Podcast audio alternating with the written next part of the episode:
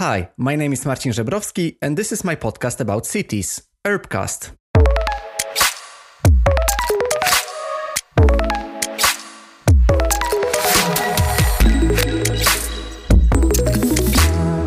Hi, and welcome to the newest episode of Urbcast, in which I will discuss the safety aspect of our cities. And today I invited Lotte Fast Carlsen, who is the deputy director at Nordic Safe Cities. And yes, we will focus on um, safety in the Nordic cities. However, it was extremely interesting to me to get to know how can the, the knowledge uh, accumulated in the Nordic Safe Cities network be shared with the cities outside Nordic region. And you might, of course, as well think that Nordic cities tend to be safe, and you will be right. But as every city and every region, the Nordic region also has its own problems. And uh, one of them might be the, the presence of uh, extremism groups who would like to recruit young people, especially. And that's how also a bad thing happened um, a couple of years ago in Copenhagen, which was a terrorist attack in the very central part of Copenhagen. And since then, some measures were taken to, yeah, to make our cities more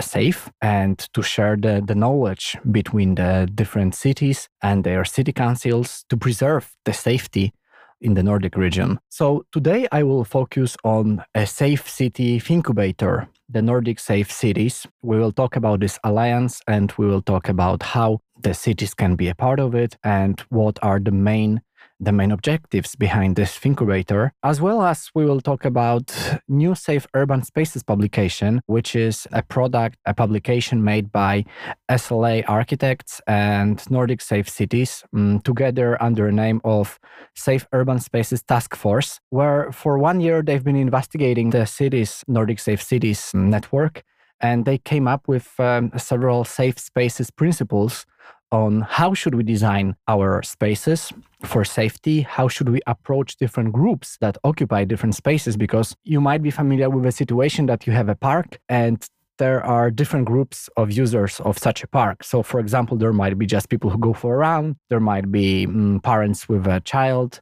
in a trolley, but also, you might have um, people who do drugs or homeless people, and you might not feel safe in such a park where you are um, surrounded by some uh, big trees and some dark corners, and you might approach people from different groups.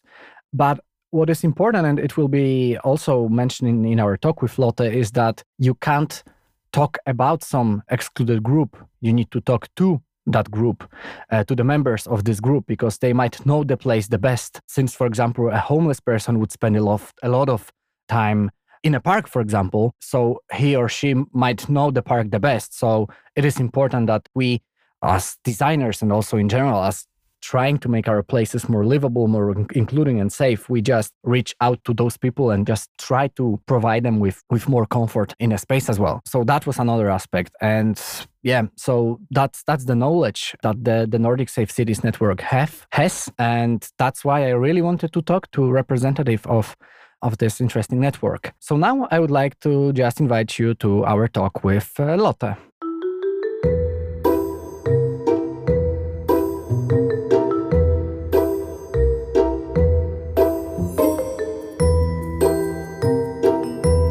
Hi Lotte, thank you for uh, for visiting me in my in my show.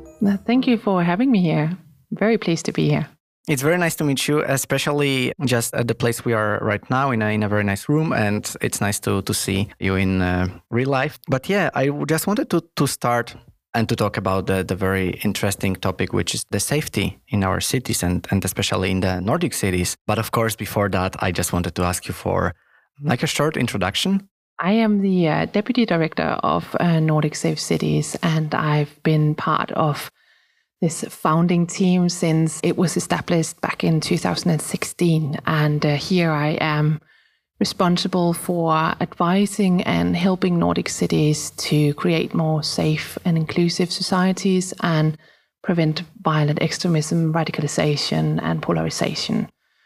Well, before that, uh, I have a background from Copenhagen Business School, where I have a master's degree in international business and politics. But I've worked for many years with social entrepreneurship and uh, sustainable development. Um, for one thing, I've worked in Ethiopia with health issues there, worked on building up an app for healthcare providers to help them in maternal health, which was very interesting and very different actually for what I'm doing now, but very interesting. And um, and then I've worked for many years as a consultant on building up alliances and private public partnerships on some of the critical issues that we have here in the Nordic countries and in Denmark. It's a very mixed uh, experience that you have, very broad, very vast one. And, and, and I think that might also help you nowadays with the work that you do.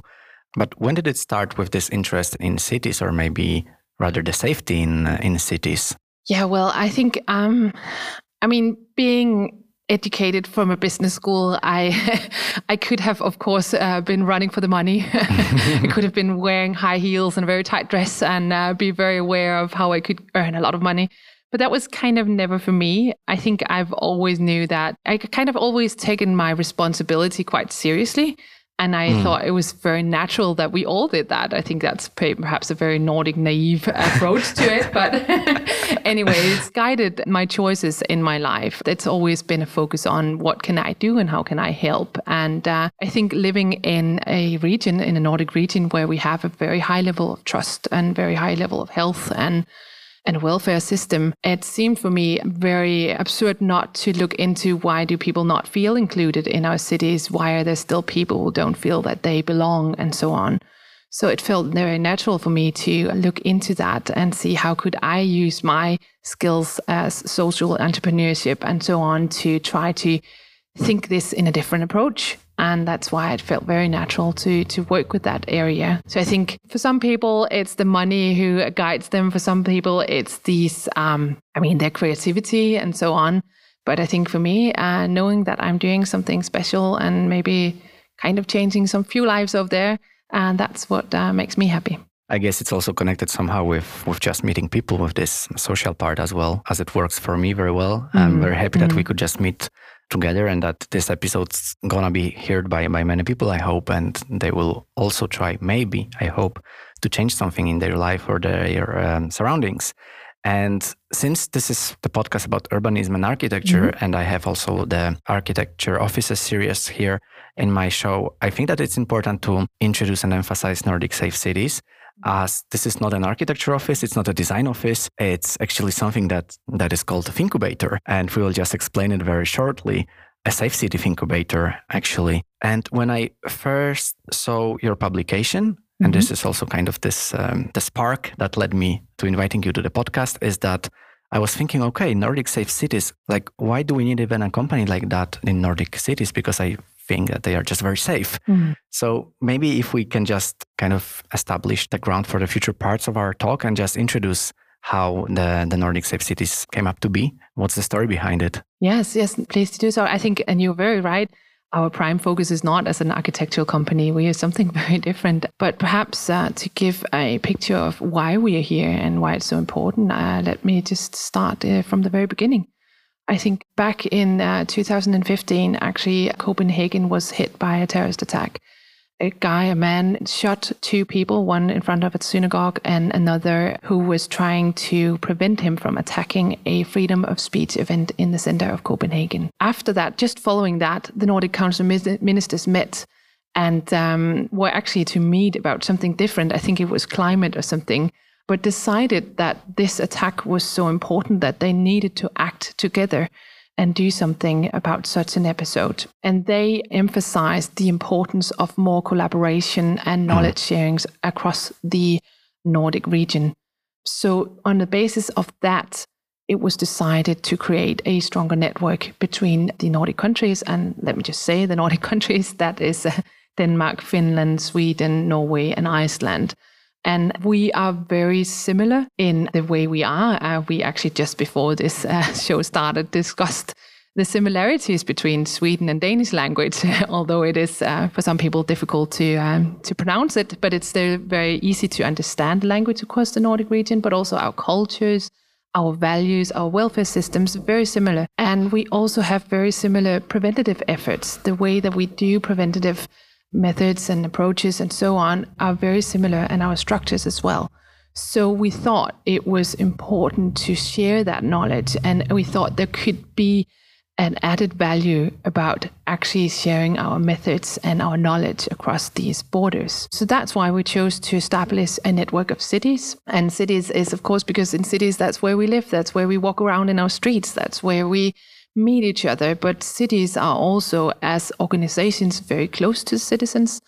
They are also very close to the problems. So it seemed very natural to connect the cities across the Nordic region and to connect the young people, the politicians, the city practitioners, the police, the civil society on how we can create better solutions to prevent violence, uh, crime, but actually more in a focus on uh, violent extremism, radicalization, and in the end, terrorism. So I think six years after now, it seems that it's still very important that we're here. We see a lot of tendencies in the world that unfortunately makes it important to still have this connection across the Nordic region. We see our values, such as democracy and pluralism and human rights, are put under pressure at the moment by more extremist groups. And um, even now, we have what we see in Afghanistan, also, of course, makes us aware of what happens now 20 years after 9 11. How has that affected our societies? And how can we work even closer on the basis of that? So, yeah, that was the long story, but that's also just to give you a perspective of the importance of why we're here and uh, kind of the uh, purpose of what Nordic Safe Cities is all about. So, in other words, it's kind of an, a network, an alliance of cities, which counts now, correct me if I'm wrong, 21? 20 cities, yeah. 20 cities. Yeah. And I was wondering how the cities, the Nordic cities, can join the network because of course it's um, it's not all the Nordic cities that are part of the of the network. So is there any key or is there any um, system for them to, to join the, the network? How are they being chosen? Well, I think all cities are welcome. Nordic cities are very welcome to join us. And um, we have been a, a strong group of 20 cities the last couple of years who are all of the capital cities and also a lot of the bigger cities. And I think all cities who are struggling with this theme and this focus are very welcome in the network. And uh, we would love to have more cities on board, of course, because I think also sometimes some of the smaller cities have other perspectives on the issue and uh, perhaps are experiencing it from a different angle. And that's why it's so important that we have both the small and the big and the middle sized cities and uh, from across all of our five countries. So cities are very welcome to approach us. Uh, that's actually just write an, write me an email. So that's very easy. Uh, it's not like we um, we have any like application system or anything. But what is of importance for us, and what is also what we see from the cities who are on board now, is that they are very engaged. I mean, they are engaged at the political level. All of the politicians have uh, signed to be part of this network. We also have a mayors summit every second year where the mayors meet and talk about how they can improve the politics across the Nordics within this area. We have our city practitioners and police and civil society who work with this uh, focus and area. And um, we have them, of course, also very connected. And we have these different events and webinars and so on. So it's important, of course, that the cities who are in this alliance is um, engaged. Mm. But then, on the other hand, of course, it's every every city are very welcome to approach us. But not outside the Nordic countries, and this is something I wanted to ask about yeah. because, like, once you produce this knowledge, and of course, it's um, it's Nordic cities, as you explained, uh, with the the same kind of culture and political systems and so on. But I was wondering and that probably there are i mean i'm sure there are also many other cities uh, around uh, europe and, and also world that struggle with with safety issues as well and I was thinking, since like your knowledge is, I assume also during those meetings of mayors and so on, the main language of communication is English. Probably the languages are not similar enough to to just pick one and the, the Scandinavian languages. So once you produce some knowledge, because I guess that this is what the role of a incubator is, that uh, you produce some kind of uh, expertise, experience, and knowledge, and how would you share it with the other cities? Because since they can't kind of maybe join, and be a part of Nordic Cities Network, how can they use the knowledge you produce? You are totally right. This is a Nordic network, and um, that is because we are so similar. It, it also makes a lot of sense because it's easy to transfer um, models and, and approaches and programs and so on. But of course, we're very aware of what goes on out in the world and in other cities, in just in Europe, but also across the sea and so on because it's these violent extremist groups of course. It's they don't really care that much about the borders. So they, they it's very important for us to know what goes on and what kind of movements are approaching. And well lucky us but we are often experiencing that we are perhaps some of the the ones that experience this later than some other cities are in uh, in other parts of Europe or the world. So it's very important for us to have a strong collaboration with other cities and networks and organizations, which we do already. We have a very strong collaboration with the EU RAN Radicalization Awareness Network, which is also European cities, uh, the Strong Cities Network, which is cities across the whole world working within the same focus and area. And for us, it's important to share how we are working in the Nordic region, which is also what we will be talking about later in the publication. And the reason why we did this publication is also because we think that there are some interesting models in the Nordics that can be scaled and shared to other European worldwide cities. So, yes, we keep a, a strong focus on keeping that collaboration and knowledge sharing with other networks out there. And of course, I welcome other cities to also approach us, eh, and as well as other organizations, always welcome.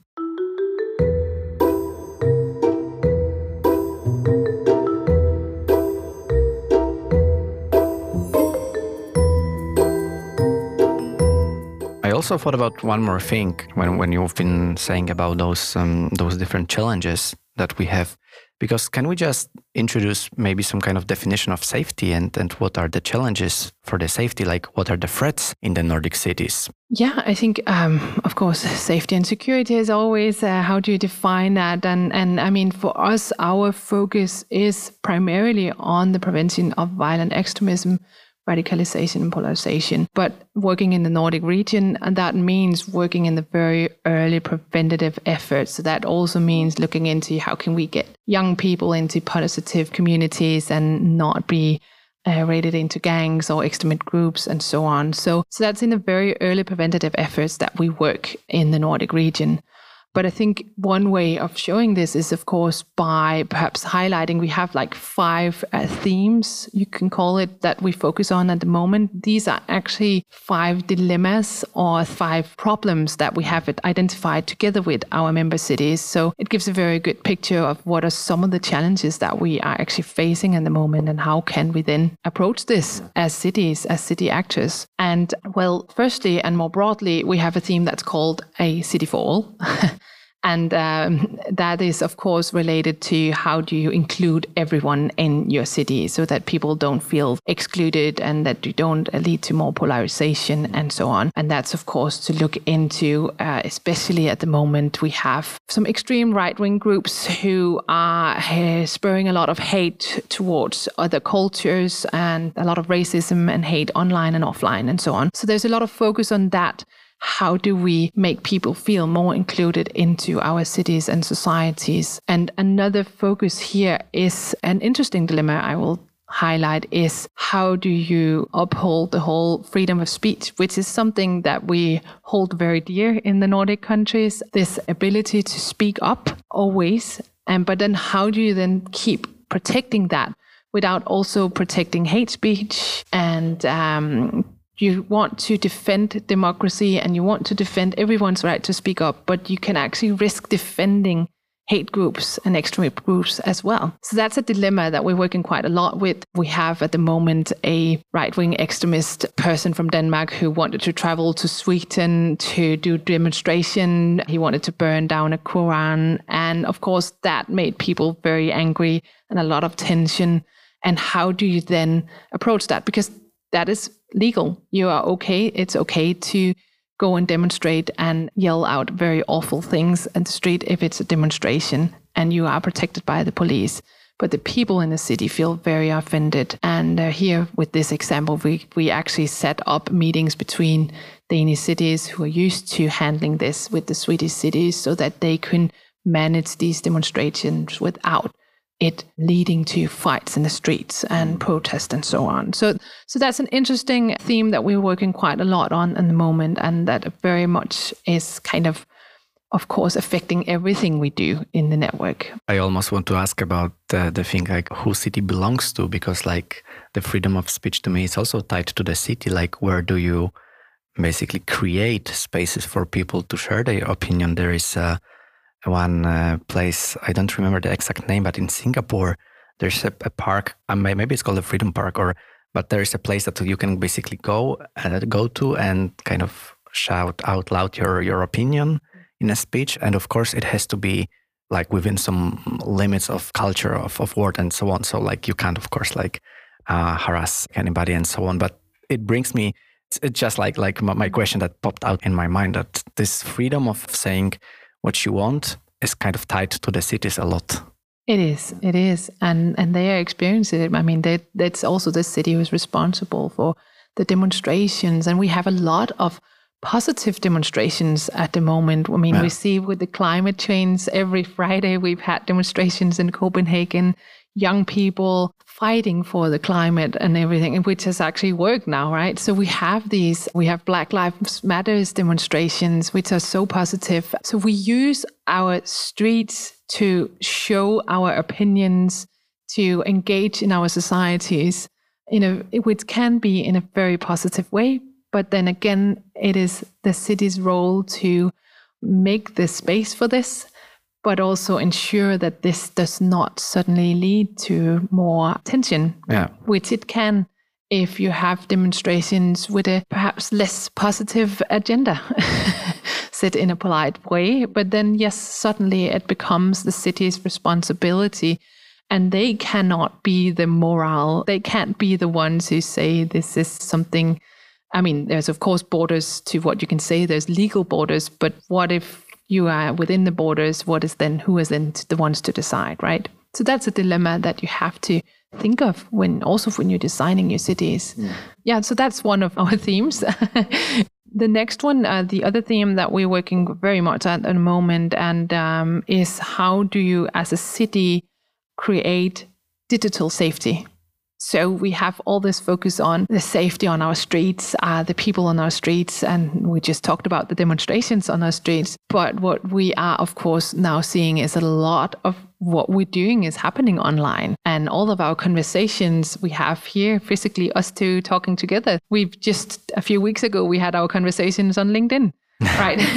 so we have all these conversations, which is very positive. But that also means that we start to see a lot of hate. We also start to see a lot of recruitment that goes on online to extremist groups. And of course, there's been a lot of inspiration to the terrorist attacks we've seen the last couple of years has been from online groups. So a lot of the hate certainly manifests itself in these online spheres. So what we're looking at now is what is then the city's role within this? And is there a role? Yes. But what is then that role for the city, for the police, for the civil society? And um, I think this is something that is really moving at the moment. And I am very happy to see that we are starting to talk about this, that our prevention on the street needs to be done in very much as a prevention on the online street as well. You cannot disconnect these two things. And we've seen it just the attacks, these the things we saw in the States in the very beginning of the year where a lot of people attacked the Capitol. All of this happened online, these conversations, and led to an attack in the physical world. So we need to know what goes on online and how do we then prevent this polarization that actually happens when you have all this hate here? So that's a theme, and we work it. Actually, we have a project with Malmö City right now where we are looking into where we're monitoring the hate online for Malmö to better be able to prevent they now get a bit of knowledge on what actually happens online, what is the hate, who is it targeting, and how do we then prevent that in our preventative efforts. In the, in the other report I saw, you also mentioned gamification of the extremism group groups just coming to, for example, Discord or other platforms for people just playing games and trying to to just find some young or, or people just just to join Exactly. And they take advantage of all these young people who are on these platforms and maybe are looking for some other communities. And that's sometimes what you see these extremist groups are pretty good at and creating these communities and a, a sense of belonging to other groups. And, and that's, uh, that's what we see. And yes, that's also what we see with gamifications is that, um, that not even there you are totally safe. And that's, of course, also why a lot of our cities are working on the whole how do you behave online and uh, uh, digital education, I guess it's, it's called. so, uh, how do you, as a young people, approach being online and what should you listen to and what not, and misinformation, disinformation, all that. Yeah. And that, I guess, also relate to another theme that we have been looking into the last couple of years. And that's, of course, the whole COVID and pandemic. And that is very connected to the online sphere again, because we have a lot of young people who is suddenly stuck at home behind the computer, very bored, which is naturally. But that means, again, we have seen how extremist groups have taken advantage of that. And uh, we need as cities to look into what is then the role of the cities here. How can we help our young people feel more connected, even though they are disconnected to the world uh, during a pandemic? And here we've also seen a lot of demonstrations towards these lockdowns and restrictions and anti government demonstrations. And that's, of course, also something that we need to take serious because it certainly connects a lot of people who is actually normally not agreeing on the other points, but this is something that they agree upon. So, how to approach that. And luckily, we are at least in the Nordic region, slowly getting out of this pandemic. But then now is uh, the question: How do we get out of this in a good way and uh, make, sure that people, uh, their mental health and all those issues are taken very good care of? And then, then we have two other themes. One theme is then looking into the governance and how you build alliances as a um, city and that's, of course, with other parts of the department, other organizations, but also with your civil society. We see that civil society are often the ones who are closer to the people. They can often also get out to groups that perhaps the city or the police cannot get out to. They perhaps have a, a, higher level of trust and so on. So that's very much related to how do we then collaborate even stronger with these organizations. And um, yeah, then lastly, we have a theme, which I think is the most important theme for today, which is, of course, the whole how do we create uh, safe urban spaces, which is very connected to all the other things that we do. But this is again uh, having a focus on looking at our cities not i mean the street not just for transport or functionality but also as a place where we can actually create more equality and non-discrimination openness and unite the people that we have in our cities. So that's a very important theme for us here in nordic safe cities the last couple of years and will continue to be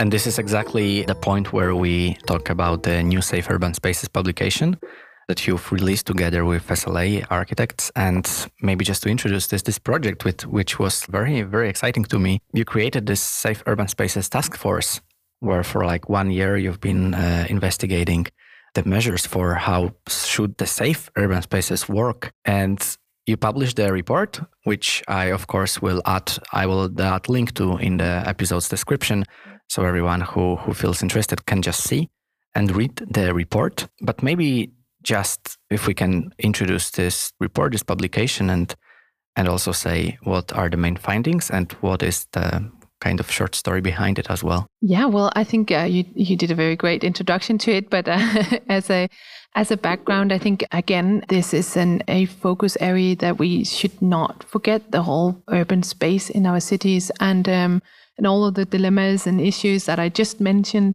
they are, of course, not only related to our social relations, but also take their form in our physical space. Um, we just talked about these demonstrations, but we also have hate groups uh, and streets. We see a lot of racism in the streets. We see how we also build up protections and surveillance to protect ourselves from terrorism.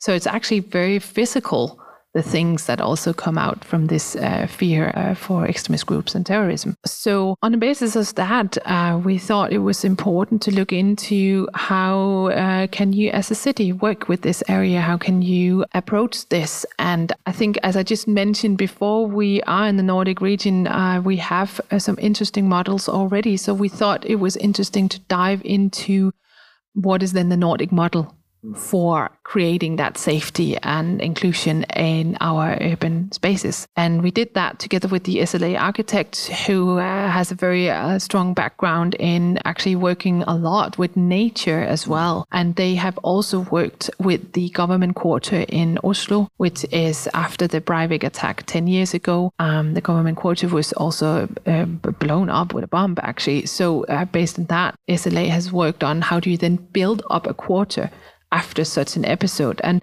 and that's of course not just building up the building. Um, that's that's kind of the easy part.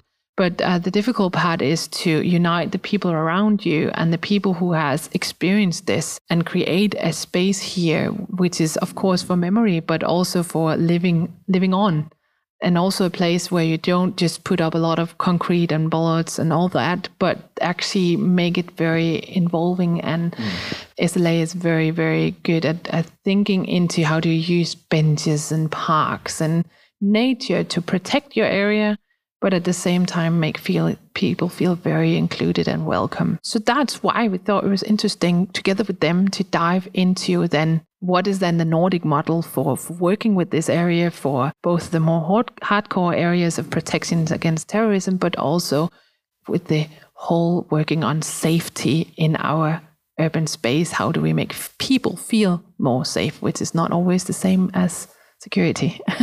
so, uh, on the basis of that, we uh, worked for one year together with a handful of our member cities, diving into some very concrete projects and together with a lot of experts and professionals, we looked into what can we learn from this? What can we learn from our conversations with cities and city planners and architects and sociologists and so on? And then based on that, we came up with uh, the publication here in June. Yeah, and, and you asked to the main finding in, in this uh, publication. There's of course a lot, and I recommend everybody to read it. But um, if I should highlight one main finding or one purpose or something that I would highlight as very important when you look, work with urban spaces. And, and this might sound very uh, common sense, but it is that you cannot work in silos or alone when working to create safe urban spaces. And I know this sound very uh, common sense. Of course, we work together.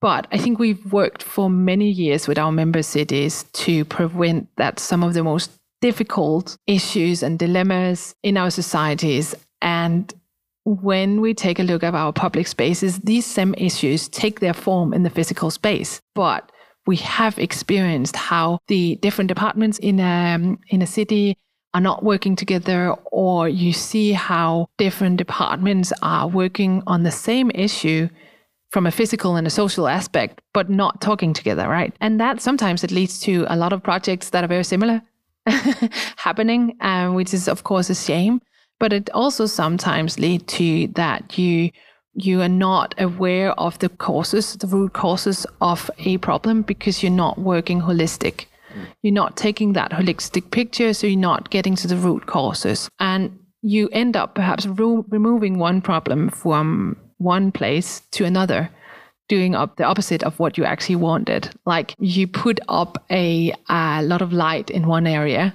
but then you cast a lot of shadow to a different area, right? Or you put up safety measures and bullets and security measures, but then you end up highlighting the risk of terror in the minds of people. Or the worst case, I would say, you listen to the guy who pays for the bench, but you don't listen to the guy who sleeps on the bench, right? So these are some of the things where we see the risk of not getting to the core issue of the problem. And that's why I think you really have to work together. And um, that's the most important message from our publication. And when I say work together, I don't just mean the different department in, department in the city. I know that there's a lot of cities that do this very well. But I also mean the people who live in the city, the people who uses these urban spaces, who know how it is as a citizen. And I also mean the different to involve a lot of competencies uh, like sociologists, anthropologists,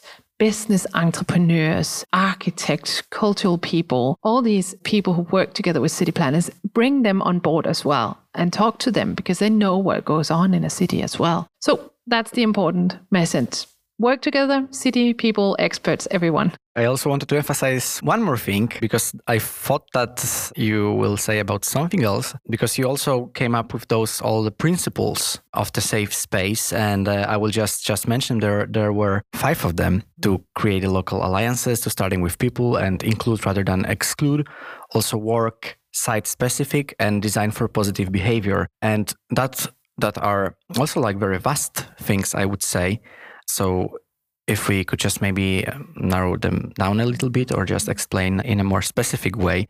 Because when we think about, for example, working site specific, I also see this advantage of smaller cities in a way, because you said about those different departments working together uh, like not together, working on something but separately. And then I can imagine that in smaller cities, it might be just easier to kind of come along and to communicate. So, how would you approach those principles so they, they kind of can be just introduced in our cities, taking into consideration that the size of the city makes a, a, difference, I would say. So the bigger the city, it might be probably just more difficult to introduce those principles because it's so interrelated organism. I think you're right. I mean, the bigger the bigger city, the bigger the bigger work, and sometimes also the bigger problems. It's the bigger cities, for instance, that work a lot with the uh, terrorism protections and so on, whereas the smaller cities uh, locally don't have to, to to work so specifically with that. So I think you're right. Um, there's of course a very big difference if you are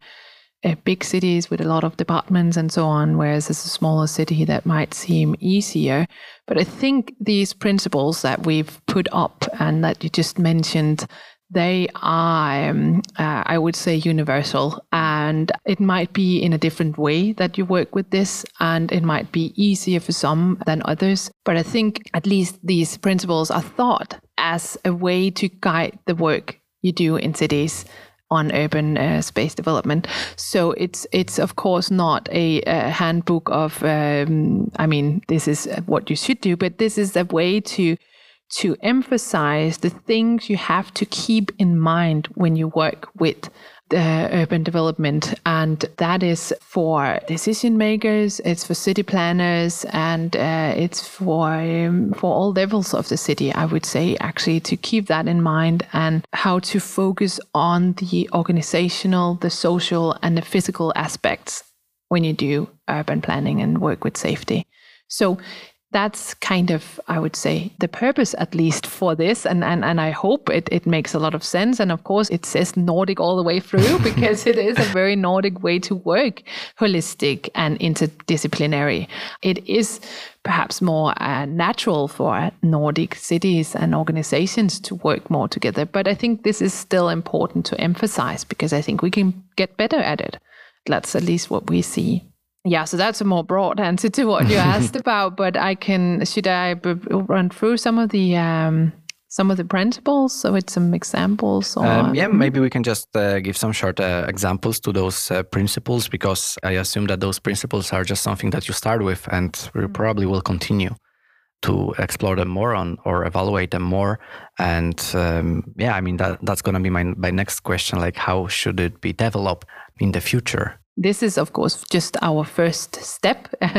we had this task force with some cities where we dived into uh, how are they working now, and this is some of the the core principles that we drew out of this, and I think can guide you in the work that you do. But of course, the next step is now to see that uh, how can we uh, do that even better? And, and how can we perhaps exemplify this in some cities try to work with this in cities and, and see it working? And perhaps also come out i would love to come up with some uh, very concrete examples as well in a publication where you can actually see what is the nordic model um, uh, the way of doing it. So so there's definitely this is just the first step uh, that we started um, but there is a lot more work to do here But to give some examples of uh, what it is that we mean with these uh, different principles, you can say that looking into this first one, creating local alliances, that is, of course, connected to what I've mentioned several times work together.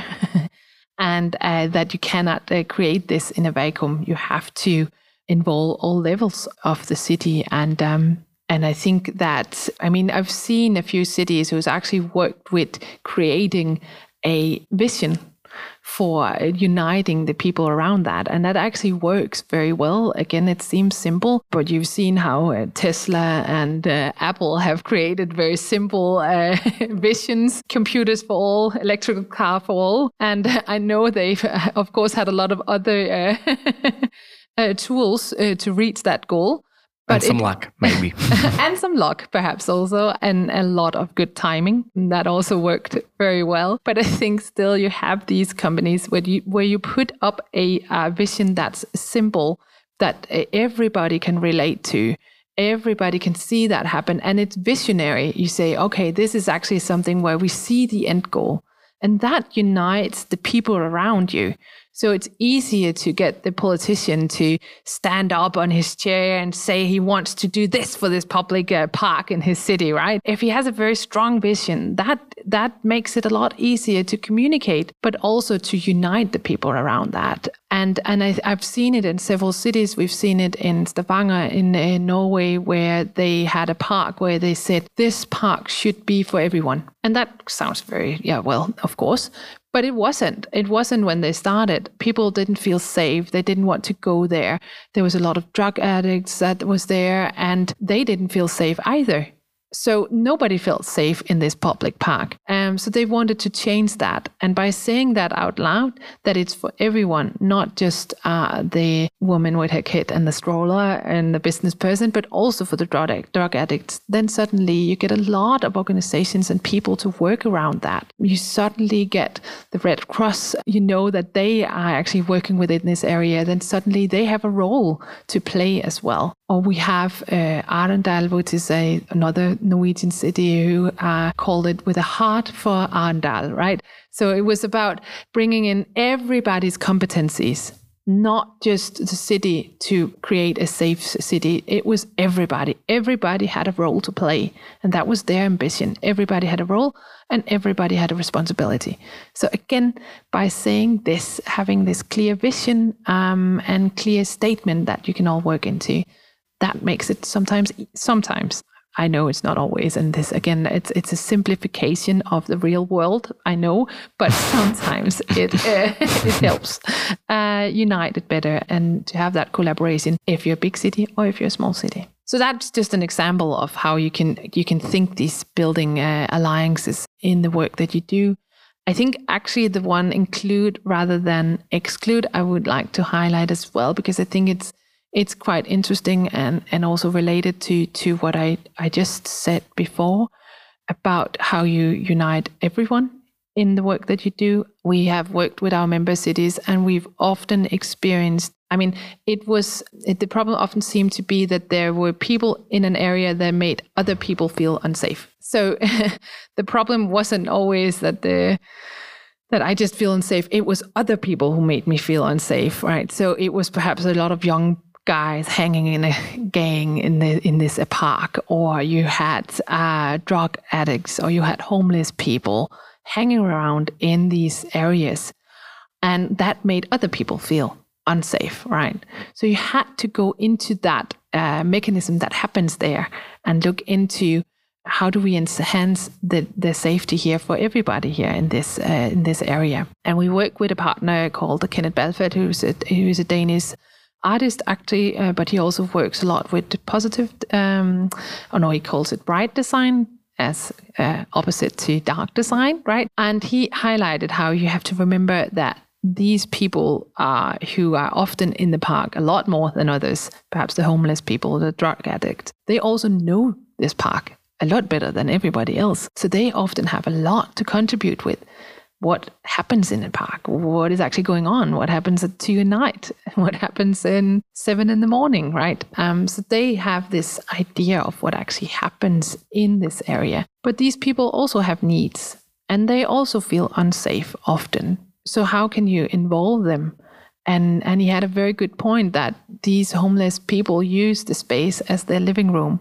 So how do you then take that into considerations when you work in an area. And that's the whole not excluding people, of course. And he has some very good examples, and we've seen some good examples of how you can create these um, safe havens for uh, homeless people where they get in space in a park where it's okay for them to be. And suddenly, when you know, as the people who walk past them, know that it's okay for them to be at that bench or that area, then they don't seem so scary anymore because they have that area. And for the homeless people, that's very nice because they have a place to put their stuff. Um, they have, yeah, I mean, our good partner, Kenneth Balfelt, as he mentioned, he says they have a toilet, which is very nice when you drink a lot of beer. and that's a very basic need. But again, suddenly you have that in an area, and it's okay to create those spaces for these people. And you can also give them responsibility of that area. Maybe they are responsible for keeping the place clean, the toilet, the public toilets clean, or they have a responsibility for the bicycle pump so they can pump your bicycle and so on. So give them a role as well. And I think this is, of course, very related to people who are in some way uh, feeling excluded of the society. But this, of course, also relates to the people who are very much included. You have to talk to them and figure out what are their needs and, and uh, how do we make them feel more included in a space. Exactly. I think you should shift this perspective and way of thinking from talking about some excluded group into talking to mm-hmm. the excluded group. And then this is something that I think you are uh, also trying to, to achieve with, with this point, which is very important, I would say. Like you need to really approach those people as they know those places the, the most in many cases. And that's that's why I think it's very, very important. Um, yeah, and I think another, if I should give another example from our from our publication and, and from these principles. I think we have one that might relate a lot more to the whole architectural part. This is, of course, very related to how do we connect on a more social part, um, but of course, very related to how do you then build up places where people feel included. But we also have the last uh, principle, which is called design for positive behavior. And that is, of course, uh, related to if you have happy people, then it's actually easier to overcome and vanish some of the crime and feelings of unsafety in an area. So you have to build to support a positive behavior and also positive engagement. And by doing, actually, by showing that you care as a city planner that you've put a lot of energy into a place or a space that also makes people feel that this is an important space right? So you can do quite a lot. There's a lot of tools of that. And again i would make the i think the architects are a lot better of explaining what you can actually do here. And, and i know that my perspective is perhaps slightly bias towards the more social aspects. But I think there is this is an interesting point of how you can use uh, green areas, how you can use benches, and how you can build up your parks and spaces to create more positive behavior. And that's, of course, also related to if you keep the place clean, then other people will think, okay, I should perhaps put this trash in the trash can and not just on the street. Um, but on the other hand, if you have graffiti areas that are not kept clean and uh, you have a lot of trash, then people just continue that down that road, right? But you can also use graffiti can also be used as a very positive thing, right? So you have graffiti that can certainly make feel unsafe, people feel unsafe if it's just like in a dark area. But if you highlight it and you bring it forward as a part of an art thing, then suddenly people feel like, wow, this is a very cool place. I would very much like to hang out here, right? so you can use these very small elements. And of course, that also relates to the, the point before about the light. I mean, if you bring a lot of light into an area, then of course that will also make it more difficult to hide. but you have to think about how you use this light because you are also creating dark spaces when you have light. So how do you then include that so you don't just bring in suddenly these dark areas in the park, but but think this um, this light into the space?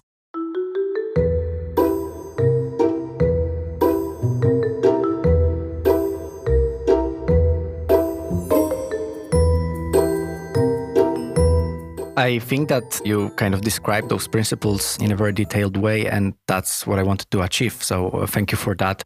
And I like the structure, how we kind of uh, talked about the problems and, and different challenges that we have in Nordic cities, and not only, and also the some some challenges or also some solutions for for that, which are in a very early stage, as we also discussed. So this is kind of a first step. Mm.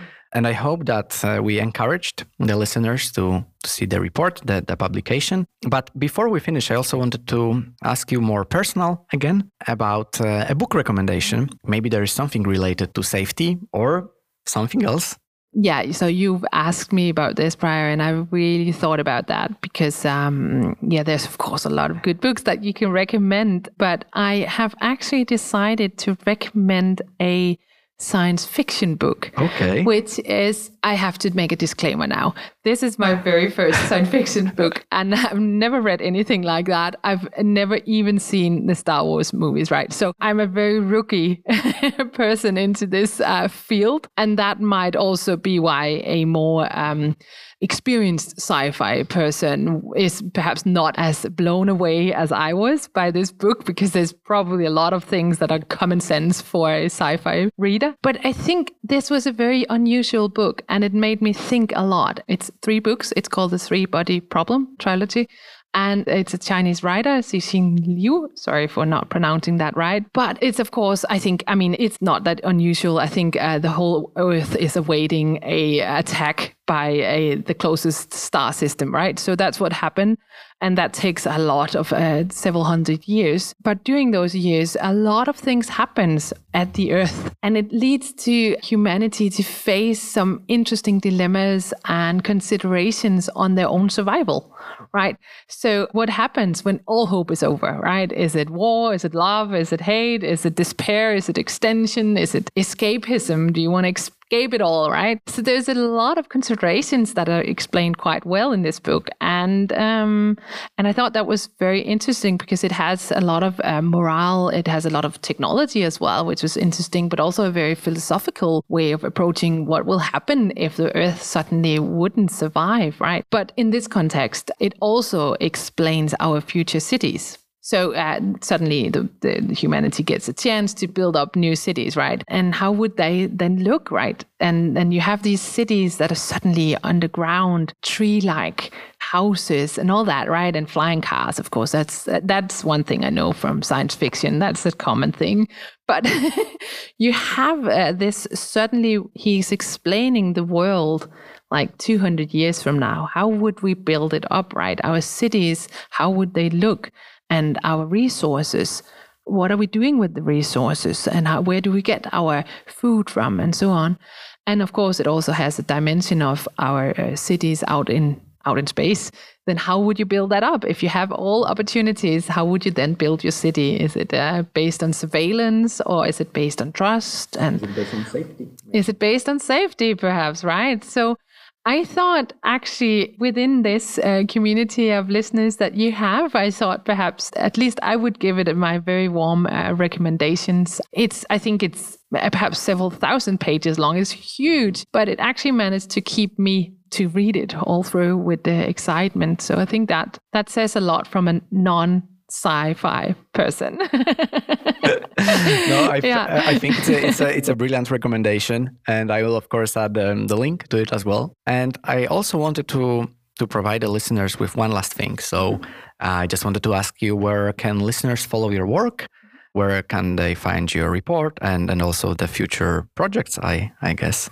Yeah, well, I mean, if they want to follow me, LinkedIn is, of course, the most obvious place and very welcome to connect to me. And um, we, Nordic Safe Cities, have a web page. And I think, but I would actually recommend to follow Nordic Safe Cities on Twitter and LinkedIn as well. I will provide the links for that because we have a lot of good stories from our member cities. We feature a lot of the projects and initiatives that cities are doing around in the Nordics. So I think it's, I of course have to say that, but I think it's very interesting to follow follow these uh, pages, it's not just about us having a lot of meetings or workshops. It's actually uh, stories from the cities.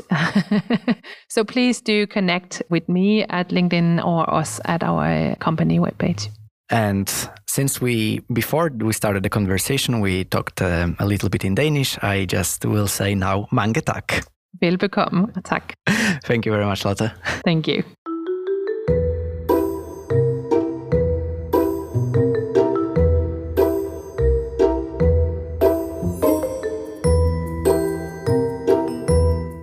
Thank you for listening to our discussion with Lotte. And I hope that you enjoyed this conversation and that it also gave you a lot of value and, and knowledge about how to design for safety and how we can't exclude some users or some groups of, of people from our public spaces, but how should we make them feel included and safe and how can we make this the public spaces in the cities be safe and including for everyone. It would be nice if you just uh, check the publication about the, the safe public spaces done by by nordic safe cities and sla architects because this is the thing that interested me a lot and hence i i had the talk with lotte. One more thing I wanted to talk about at the end of this episode is that I really encourage you to visit my website where you can find all the information about the podcast, including a newsletter, uh, which I'm creating for you. And you can just for free sign up to this newsletter. And every second week, you will get the new episode, some behind the scenes, as well as some links to interesting um, conferences or some interesting books or other events and so on. So, yeah, just feel free to, to sign up. And also, if you like this podcast, if you would like to support me in uh, in any way, also you could leave a review on uh, Apple Podcasts as it will help me uh, and my podcast to reach even uh, more and more people, which will be very, very nice for me if, if I can reach more people with my message. So thank you very much. I hope that you enjoyed this episode one more time. And if you have any remarks, just let me know. Feel free to contact me. And I hope to see you or talk to you soon. Thank you.